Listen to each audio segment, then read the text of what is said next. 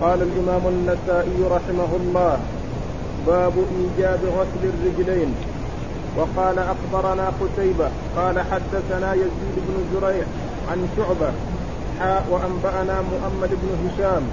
قال حدثنا إسماعيل عن شعبة عن محمد بن زياد عن أبي هريرة رضي الله عنه أنه قال قال أبو القاسم صلى الله عليه وسلم ويل للعقب من النار. بسم الله الرحمن الرحيم. الحمد لله رب العالمين. وصلى الله وسلم وبارك على عبده ورسوله نبينا محمد وعلى آله وأصحابه أجمعين. أما بعد فيقول النسائي باب إيجاب غسل الرجلين.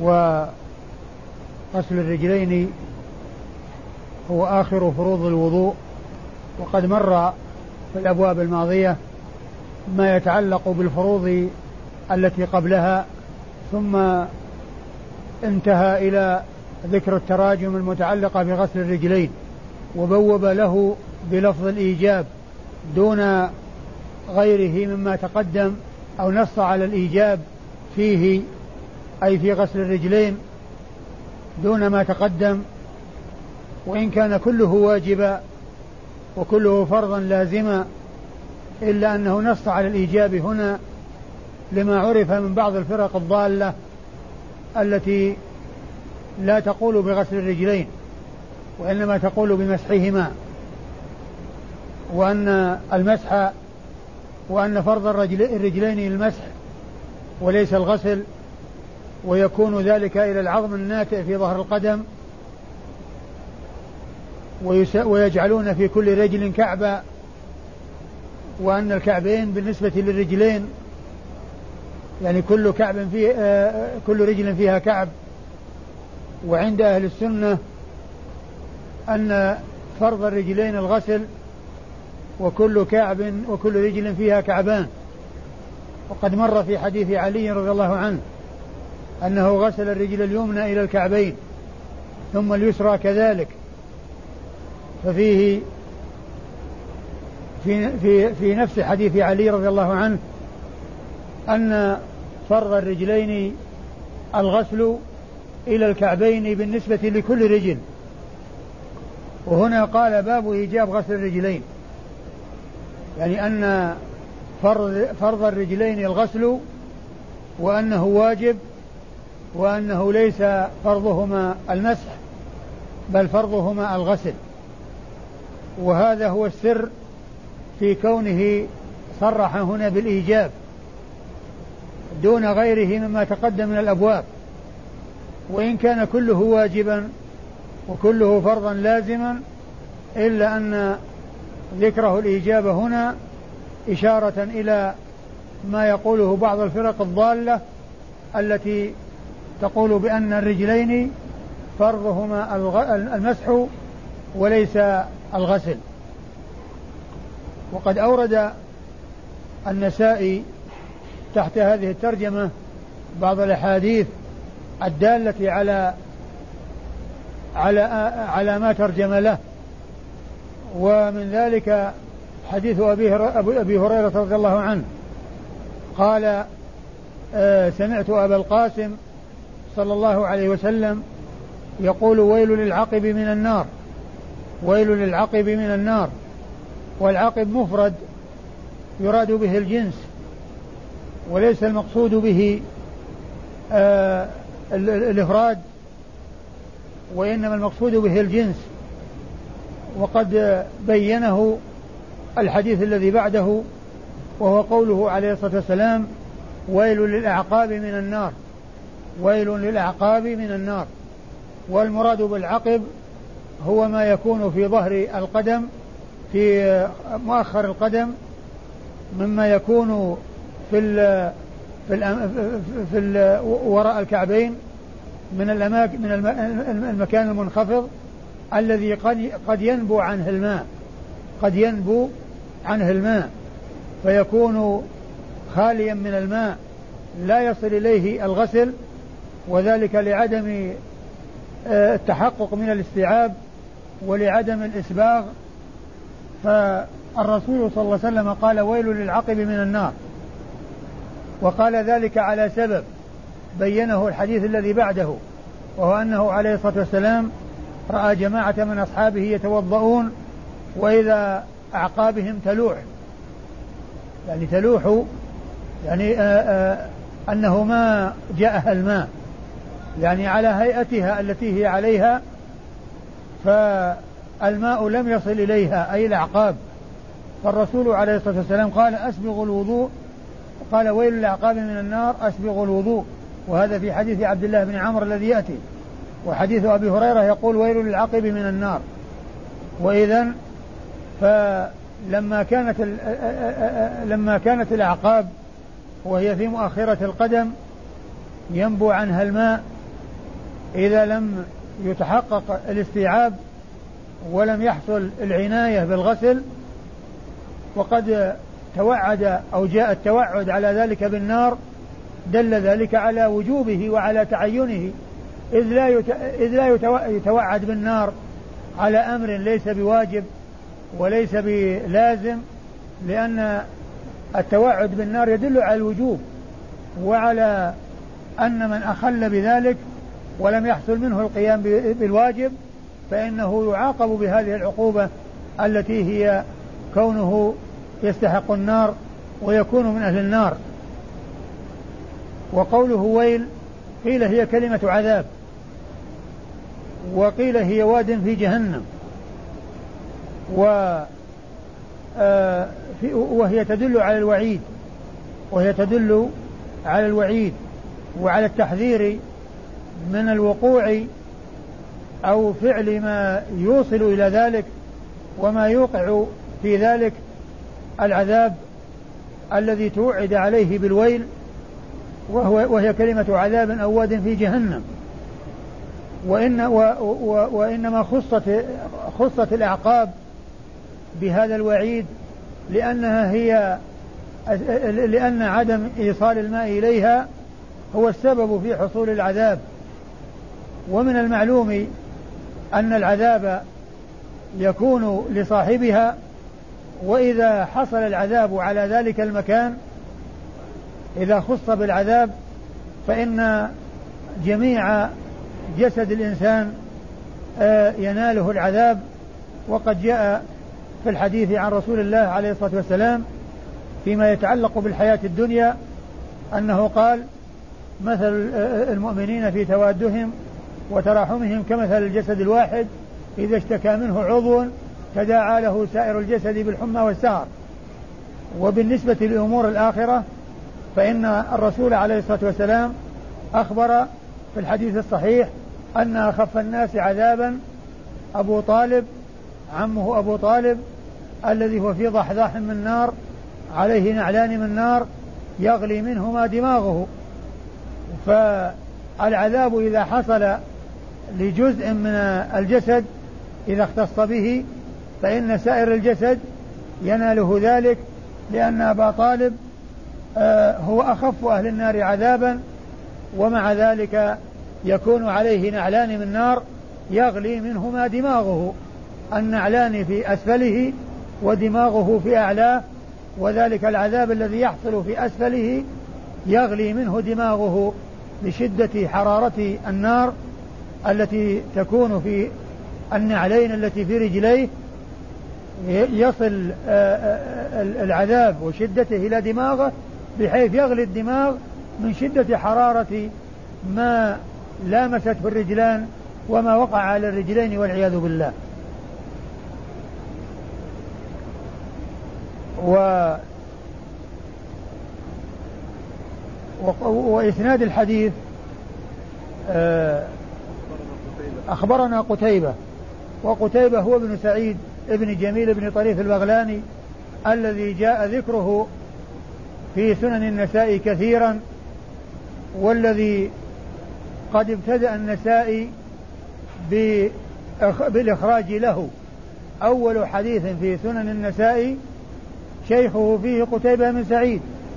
وقد مر في أحاديث كثيرة رواية النسائي عن قتيبة بن سعيد وهو من الثقات الحفاظ وحديثه في الكتب الستة كما عرفنا كما عرفنا ذلك فيما مضى.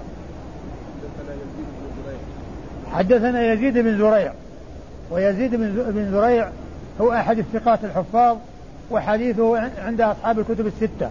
وقد مر ذكره مرارا وتكرارا. وقد مر ذكره مرارا وتكرارا. عن, عن شعبة وشعبة هو هو ابن الحجاج أمير المؤمنين في الحديث الذي وصف بهذا الوصف وأنه أمير أمير المؤمنين في الحديث. هو أحد الأشخاص الذين وصفوا بهذا الوصف وهو من أعلى صيغ التعديل ومن أرفع صيغ التعديل. أن يقال عن الرجل بأنه أمير أمير المؤمنين في الحديث. وهو آه ممن خرج حديثه أصحاب الكتب ممن خرج حديثه أصحاب الكتب الستة كما عرفنا ذلك مرارا وتكرارا. ثم قال حا وأنبأنا مؤمل بن هشام. وحاء وحاء هذه المقصود منها التحول من إسناد إلى إسناد يعني أنه عندما ساق الإسناد الأول أراد أن يرجع من جديد فيأتي بإسناد جديد يتلاقى مع الإسناد الأول ويلتقي مع الإسناد الأول. فكلمة حاء هذه تشعر بالتحول من إسناد إلى إسناد بالتحول من إسناد إلى إسناد. وفائدتها أو من فوائدها أنها لو لم تأتي وركبت الأسانيد بعضها على بعض لكان المتقدم يروي عن المتأخر لكان المتقدم يروي عن المتأخر فيكون شعبة يروي عن مؤمل بن إسماعيل. يعني لو لم آه، آه، آه، يتبين أو يتضح أو يعني بهذه الإشارة يعني من لا يعرف عندما تسقط يعني هذا ثم يأتي الإسناد الذي بعده أو الشخص الذي بعده. تابعا للذي قبله يظن أن الذي قبله راوي عن الذي بعده. فشعبة جاء بعده أخبرنا وأخبرنا مؤمل بن هشام. وشعبة متقدم ومؤمل بن هشام شيخ للنسائي. فإذا التحويل التحويل هو التحول من إسناد إلى إسناد ومن فوائده ألا يظن أن فيه قلب وأن المتقدم روى عن المتأخر وأن المتقدم روى عن المتأخر.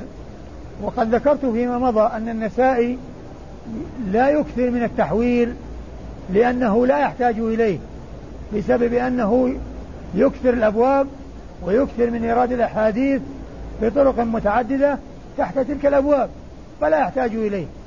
كالبخاري الذي لا يحتاج إليه لأنه يكثر التراجم فيورد الأحاديث تحت تلك التراجم المختلفة. أما مسلم بن الحجاج رحمه, رحمه الله فلكونه يجمع الأحاديث في مكان واحد يحتاج إلى كثرة التحويل. ولهذا يوجد التحويل في صحيح مسلم كثيرا. أما البخاري ومثله النسائي فإنهما لا يجمعان الأحاديث في مكان واحد فيحتاجان إلى كثرة التحويل وإنما يفرقان الأحاديث على أبواب مختلفة ويأتون بطرق متعددة عند كل باب ترجمة وعند كل ترجمة حديث يأتي بطريق أخرى. فلا يحتاج لا يحتاجان أي البخاري والنسائي إلى كثرة التحويل. ومؤمل بن هشام النسائي في الطريقة الثانية لم يأتي ذكره فيما مضى ويأتي ذكره لأول مرة وهو مؤمل وهو مؤمل. مؤمل. مؤمل بن هشام مرة لا هو مرة؟ آه. ومؤمل بن هشام هو مؤمل ابن هشام اليشكري أبو هشام البصري.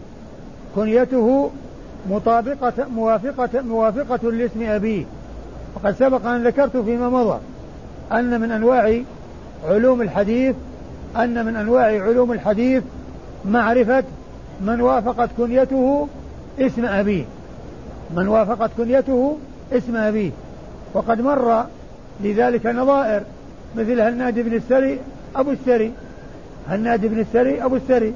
وهنا مؤمل بن هشام أبو هشام. مؤمل بن هشام أبو هشام. فوافقت كنيته اسم أبيه.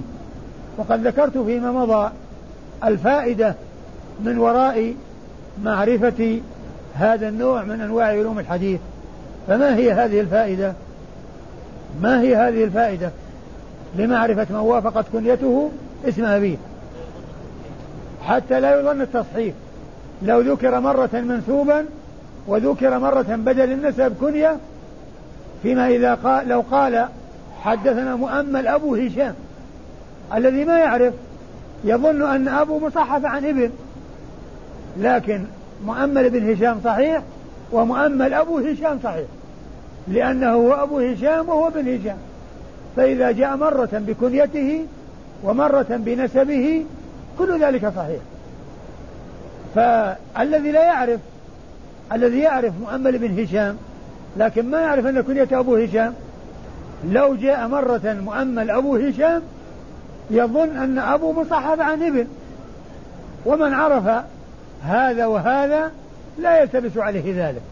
ويعلم أنه إذا جاء بالنسبة في بعض الأحيان وجاء في بعض الأحيان بالكنية بذكر الكنية مؤمل أبو هشام أنه كله صحيح وأنه لا تصحيح وأنه لا تصحيح. فإذا فائدة ذلك حتى لا يتوهم التصحيح وحتى لا يظن التصحيح. فيما لو ذكر مرة بكنيته بدل فيما لو ذكر في بعض الأحيان بكنيته بدل اسمه. ومؤمل أبو هشام هذا ابن هشام أبو هشام هو من رجال البخاري وأبي داود والنسائي. من رجال البخاري وأبي داود والنسائي. لم يخرج له مسلم ولا الترمذي ولا ابن ماجه وإنما خرج له البخاري وأبو داود والنسائي نعم تقدم في رقم 26 طيب. قال حدثنا إسماعيل. قال حدثنا إسماعيل. وإسماعيل هو ابن علية هو شيخه في ذاك الإسناد؟ هو شيخه في ذاك الإسناد؟ إسماعيل بن علية إسماعيل سبق أن مر بنا ذكره مرارا. وهو إسماعيل بن إبراهيم بن مقسم. إسماعيل بن إبراهيم ابن مقسم ابن علية وعلية اسم أمه. اشتهر بالنسبة إليها. وأبوه إبراهيم إسماعيل بن إبراهيم بن مقسم ابن علية. ولهذا إذا إذا جاء ذكره ذكر نسبه ثم ذكر آه نسبته إلى أمه التي اشتهر بها فإنه يكون مرفوعا لا يكون مجرورا تابعا لما قبله. فيما فيما إذا قيل حدثنا إسماعيل ابن إبراهيم ابن مقسم ابن عليا. ما يقال ابن عليا. ما يقال ابن عليا لأن مقسم ليس ابنا لعليا حتى يكون يعني مثله مجرور. وإنما ابن عليا ترجع إلى إبراهيم إلى إسماعيل. فيكون مرفوع لأنه وصف لإسماعيل وليس وصفا لمقسم. أما إذا ذكر النسب فإن ابن يعني يكون ما بعدها تابع لما قبلها من ناحية أنه يصير مجرور. إسماعيل حدثنا إسماعيل ابن اللي هي الأولى تكون وصف لإسماعيل ثم ابن إبراهيم فيكون إبراهيم مجرور فيأتي بعد ذلك ابني لأنه وصف لإبراهيم. فإذا جاءت ابن علية رجعت إلى الأول. لأنها ليست لمقسم وإنما هي لعلي لإبراهيم لإسماعيل ابن إبراهيم. ثم أيضا من ناحية الرسم والكتابة ابن إذا كانت بين علمين يعني متناسلين تكون بدون ألف. لكن إذا جاءت إذا جاءت وصفا مثل يعني آه مثل ابن علية فإنها تأتي الألف قبلها. يعني الألف بين آه آه إسماعيل بن إبراهيم بدون ألف ابن وإبراهيم بن مقسم ابن بدون ألف. أما إذا جاءت يعني مثل هنا ابن يعني ترجع إلى الأول فإنها تكون بالألف. وكذلك فيما إذا كان ابن جاءت في أول الكلام مثل عن ابن عمر. عن ابن عمر ما جاء عبد الله فإن الألف تكون موجودة. الألف اللي همزة الوصل تكون موجودة قبل تكون موجودة قبل كلمة ابن. وابن علي كما عرفنا مشهور بالنسبة إلى أمه. مشهور بالنسبة إلى أمه فيقال إسماعيل ابن علية ومؤمل هذا اللي هو مؤمل بن هشام يروي عن إسماعيل بن علية وهو صهره وهو صهره يعني إسماعيل مؤمل يعني إسماعيل صهره يعني المؤمل زوج ابنة آه، إسماعيل ابن علية إيش؟ إيش؟ نعم وكذلك إذا كان إذا جاءت ابن في أول السطر فإنها تكون أيضا بالألف تكون آه ابن تثبت الألف قبلها فيما إذا جاءت في أول السطر أو ليس قبلها علم. ليس قبلها علم مثل عن ابن عمر. أو قال ابن عمر. فإنها تكون لابد من ذكر الألف. أما إذا جاءت بين علمين متضايفين أو متناسلين فإنها تكون بدون ألف. أيوة. عن شعبة. عن شعبة و نعم و إسماعيل يروي عن شعبة. وهنا التقى الإسنادان. الإسناد الأول والإسناد الثاني. الإسناد الأول قتيبة عن عن يزيد بن زريع عن شعبة. والثاني مؤمل ابن مؤمل بن هشام عن إسماعيل بن علية عن شعبة. فيكون الإسنادان تلاقيا عن شعبة ثم يتحد الإسنادان يتحد الإسنادان إلى نهايته. أيوه. عن محمد بن وإسماعيل بن علية كما عرفنا فيما مضى من الثقات الحفاظ وحديثه عند أصحاب الكتب الستة. وإذا فعندنا في الذين مضوا آه قتيبة و ويزيد بن زريع وشعبة و... و... لا وقبله إسماعيل بن علية وشعبة هؤلاء كلهم حديثهم عند أصحاب الكتب الستة. أما مؤمل بن هشام فحديثه عند البخاري وأبي داود والنسائي فقط. أيوة. شعبة عن من؟ شعبة عن محمد بن زياد. محمد بن زياد هو الجمحي وهو ثقة حديثه عند أصحاب الكتب الستة.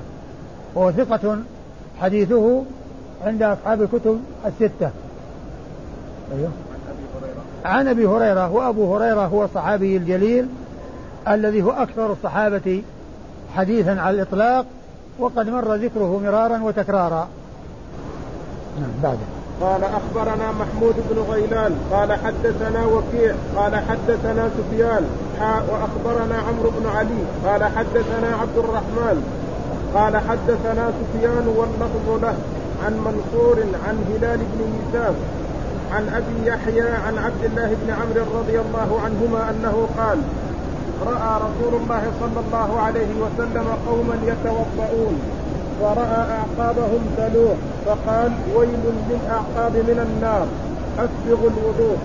ثم ورد النسائي حديث عبد الله بن عمرو بن العاص رضي الله تعالى عنهما الذي يقول فيه أن الرسول صلى الله عليه وسلم رأى جماعة من أصحابه يتوضؤون ورأى أعقابهم تلوح يعني ما جاءها الماء لأنها على هيئتها التي هي عليها. يعني إذا كان عليها غبار وكذا باقية على على هيئتها. فالذي جاءه الماء تغير لونه؟ والذي ما جاءه ما بقي آه بقي على على حالته. فقال عليه الصلاة والسلام ويل للأعقاب من النار أسبغوا الوضوء. ويل للأعقاب من النار أسبغوا الوضوء. و آه كما أشرت في الذي قبل هذا قال هناك الحديث الأول أو الطريقة الأولى ويل للعقب وهي للجنس ولا تنافي بينها وبين العقاب لأن العقاب جمع عقب والعقب المراد به الجنس فيكون متفقا مع الجمع ومتوافقا مع الجمع ولا تنافي بينهما ولا فرق بينهما ويحصل آه نبو الماء عن بعض الأماكن ولا سيما التي تكون فيها انخفاض يعني منخفض مثل العقب الذي يكون وراء وراء الكعب. مكان منخفض إذا ما وصلت اليد بالدلك فإنه قد ينبو عنه الماء فيكون على هيئته التي هو عليها قبل أن أن يمس يمس الماء الرجل. فرأى أعقابهم تلوح فقال عليه الصلاة والسلام أسبغ عليه الصلاة والسلام ويل للأعقاب من النار. ويل للأعقاب من النار أسبغ الوضوء. نعم. الإسناد يقول أخبرنا محمود بن غيلان. ومحمود بن غيلان سبق أن مر ذكره وهو ثقة خرج حديثه أصحاب الكتب إلا أبا داود. أصحاب الكتب الستة إلا أبا داود فإنه لم يخرج له شيئا. والباقون وهم الخمسة خرجوا حديثه.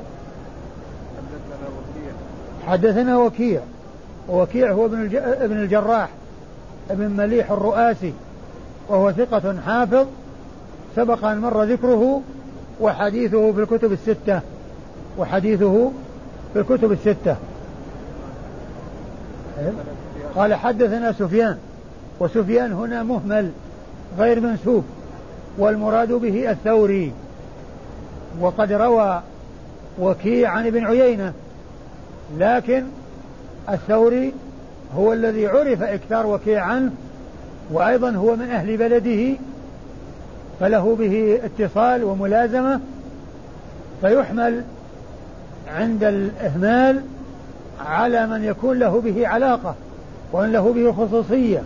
وقد ذكر الحافظ بن حجر في فتح الباري كما سبق أن نبهت عليه فيما مضى أنه إذا جاء وكيع عن سفيان فالمراد به الثوري لإكثاره عنه ولإقلاله عن سفيان بن عيينة لأن وكيعا أكثر عن سفيان الثوري وأقل الرواية عن سفيان بن عيينة فإذا أهمل ولم ينسب سفيان حمل على من على من يكون آه تلميذه مكثرا عنه فيحمل على أنه سفيان الثوري ولا يحمل على أنه سفيان ابن عيينة.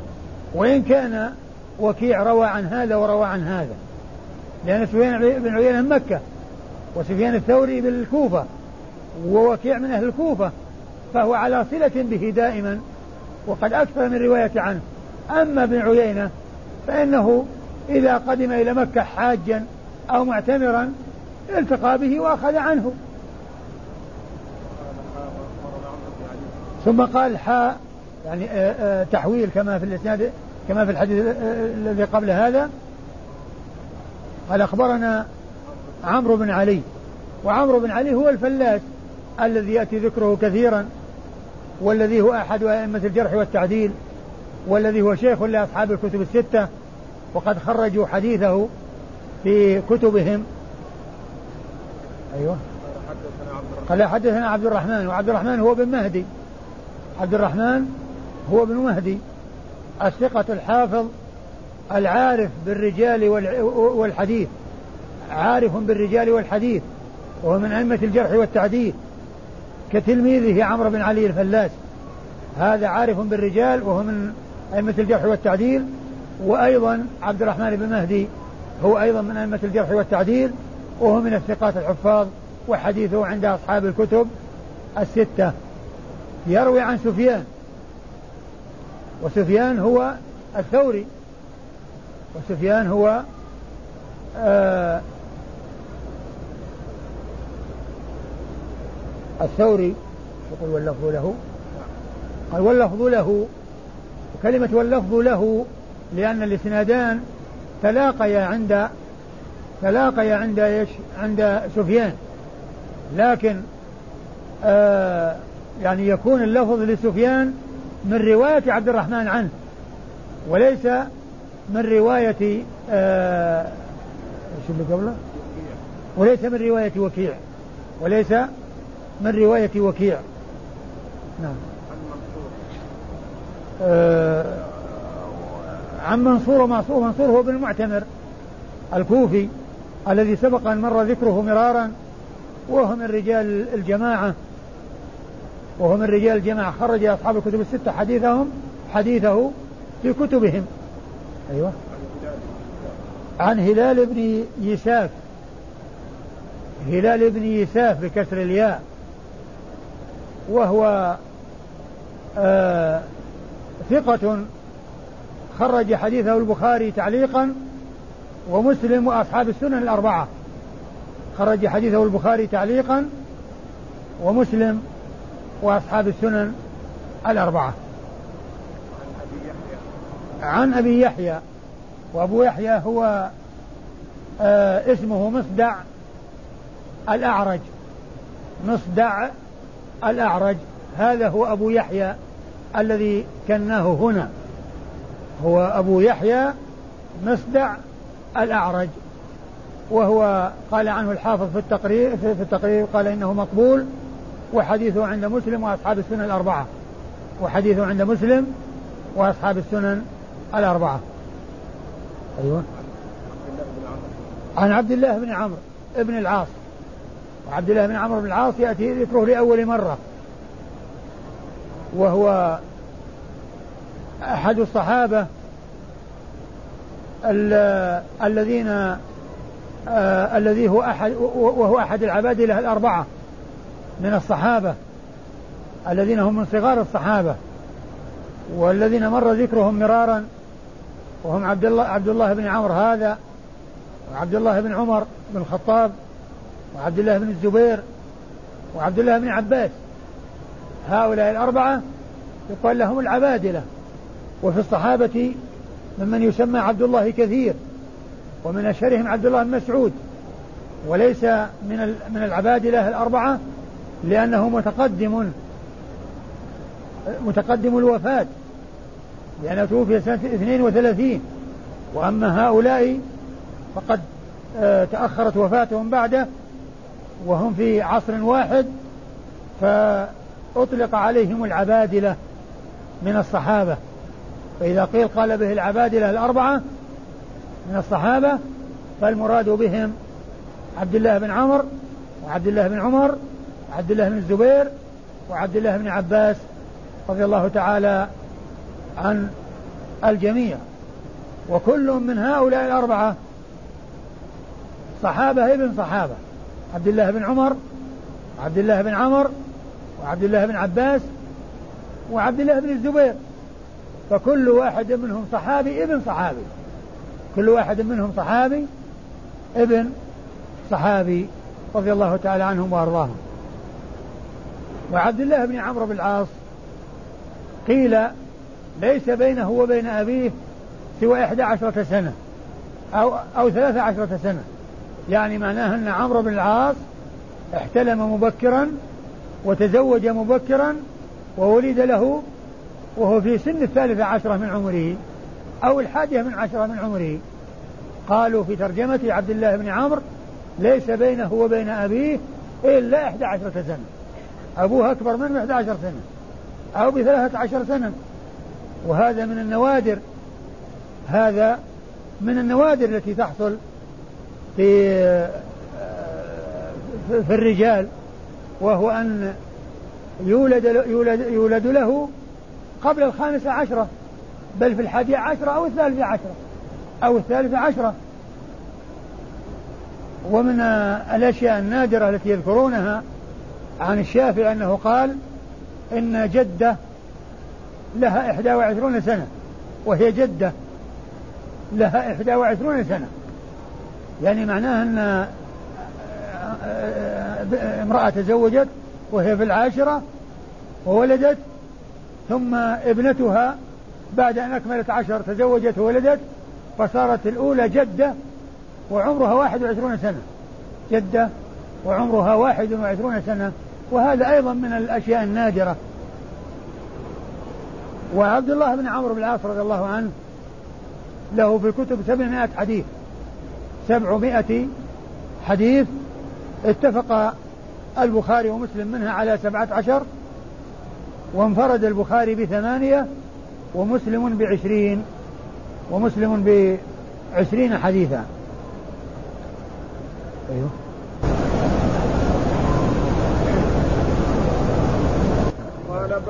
وعبد الله بن عمر حديثه عند أصحاب الكتب الستة. العبادلة الأربعة كلهم حديثهم عند أصحاب الكتب الستة.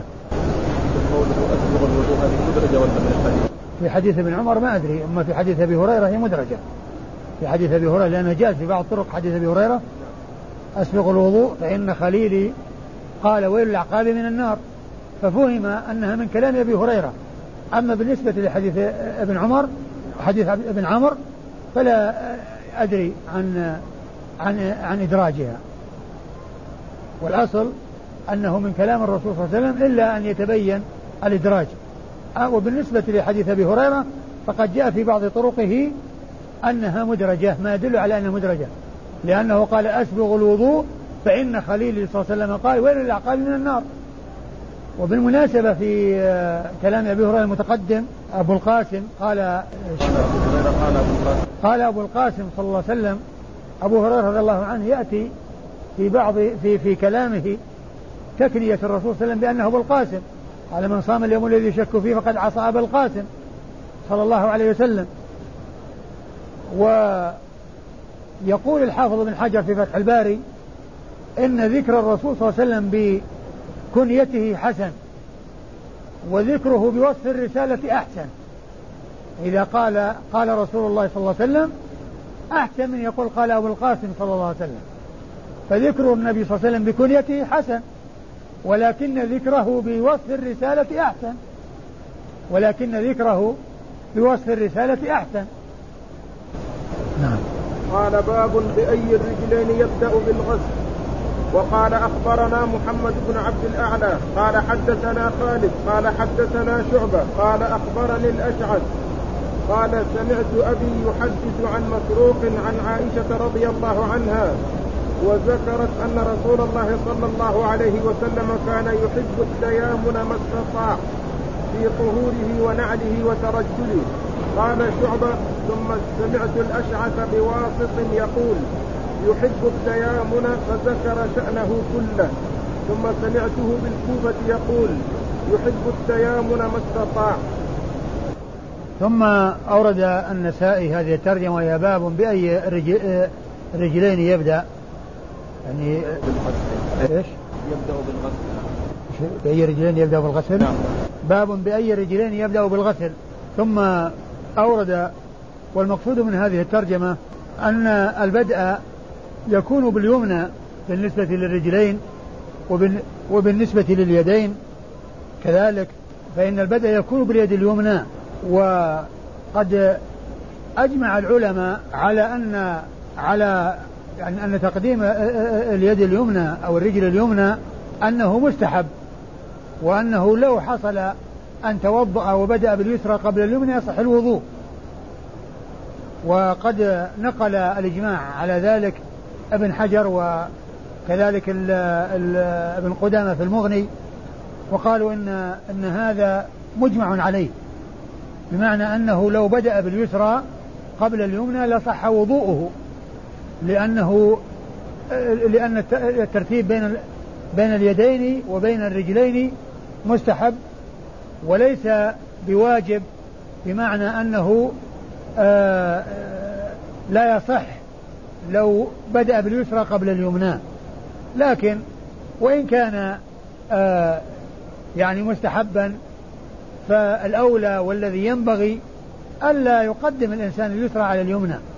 وإنما يبدأ باليمنى باليدين وال وكذلك بالرجلين وكذلك اليمنى بالرجلين وقد أورد أن النسائي تحت هذه الترجمة حديث عائشة رضي الله عنها أن النبي كان يحب التيامن في آه إيش؟ التيامن ما استطاع في طهوره ونعله وترجله في طهوره يعني في وضوءه عندما يتطهر يحب التيامن يعني يبدأ باليمين. يحب التيامن يعني يبدأ باليمين في طهوره ونعله يعني كونه يعني يلبس النعل اليمنى وترجله يعني عندما يسرح شعره يبدأ باليمين. عندما يسرح شعره يرجل شعره يبدأ باليمين. يعجبه التيمن التيامن وهو البدء باليمين في طهوره في طهوره يعني عندما يتوضأ ويغتسل و ونعله يعني عندما يلبس النعال وترجله عندما يسرح شعره كل ذلك يبدأ باليمين. وقد ومن المعلوم أن اليمين تستعمل في الأمور المستحسنة وفي الأمور الطيبة واليسار تكون بخلاف ذلك. واليسار أو اليسرى تكون بخلاف ذلك. ومن المعلوم أن الطهور وكذلك التنعل وغير ذلك يبدأ باليمين. ولا تكون اليسار أو تستعمل اليسار في آه، بخلاف ذلك. يعني معنى هذا أنه آه، يبدأ بلبس اليمين في النعال ويخلع وبالعكس يعني عند آه، الخلع وكذلك في دخول المسجد يعني يبدأ باليمين و وفي أمور كثيرة وإيش وترجله يعني تسريح شعره إيش يقول؟ قال شعبة. ثم سمعت الأشعث بواسط يقول يحب التيامن فذكر شأنه. ثم ثم سمعت الأشعث بواسط يعني سمع منه أولا ثم من سمعه بعد ذلك بواسط يعني يذكر الحديث ويقول وفي شأنه كله. يعني يحب يحب التيامن في تنعله في طهوره وتنعله وترجله وفي شأنه كله وفي شأنه كله. وهذا يعني سمعه منه بواسط ثم سمعه منه بعد ذلك يعني يقول يحب التيامن ما استطاع. يحب التيامن ما استطاع. ومعنى ذلك أن شعبة سمعه من الأشعث في مرات عديدة وفي بعضها أنه ليس فيه ذكر شأن كله وفي بعضها أنه يقول يحب التيامن ما استطاع ويقف عند ذلك. ومن المعلوم أن يعني يكون فيه اختصار للمتن أو للرواية في بعض الأحيان إيش الإسناد؟ محمد بن عبد الأعلى يقول النسائي أخبرنا محمد بن عبد الأعلى ومحمد بن عبد الأعلى سبق أن مر ذكره مرارا وهو الصنعاني وهو ثقة خرج ثقة خرج حديثه من خرج حديثه؟ نعم. مسلم مسلم و أظن مسلم وأصحاب السنة الأربعة. شوف التقريب شوف اللي بعد أنا حدثنا خالد لا خلينا عندك. مسلم مسلم. يروي عن عائشة أم المؤمنين وقد مر ذكر عائشة في أحاديث متعددة فيما مضى وحديثها في الكتب الستة حديثها عند أصحاب الكتب الستة وهي أحد السبعة من الصحابة الذين أكثروا رواية الحديث عن رسول الله صلوات الله وسلامه وبركاته عليه ورضي الله تعالى عن الصحابة أجمعين. وقد نظمهم السيوطي كما أشرت إلى ذلك مرارا في ألفيته حيث قال والمكثرون في رواية الأثر أبو هريرة يليه بن عمر وأنس والبحر كالخدري وجابر وزوجة النبي. زوجة النبي يعني يقصد عائشة رضي الله تعالى عنها فهي آه، من السبعة الذين هم أكثر الصحابة حديثا وهي أكثر النساء حديثا على الإطلاق. لا يماثلها ولا يدنيها أحد رضي الله تعالى عنها وأرضاها. والله أعلم وصلى الله وسلم وبارك. على عبده ورسوله نبينا محمد وعلى آله وأصحابه أجمعين.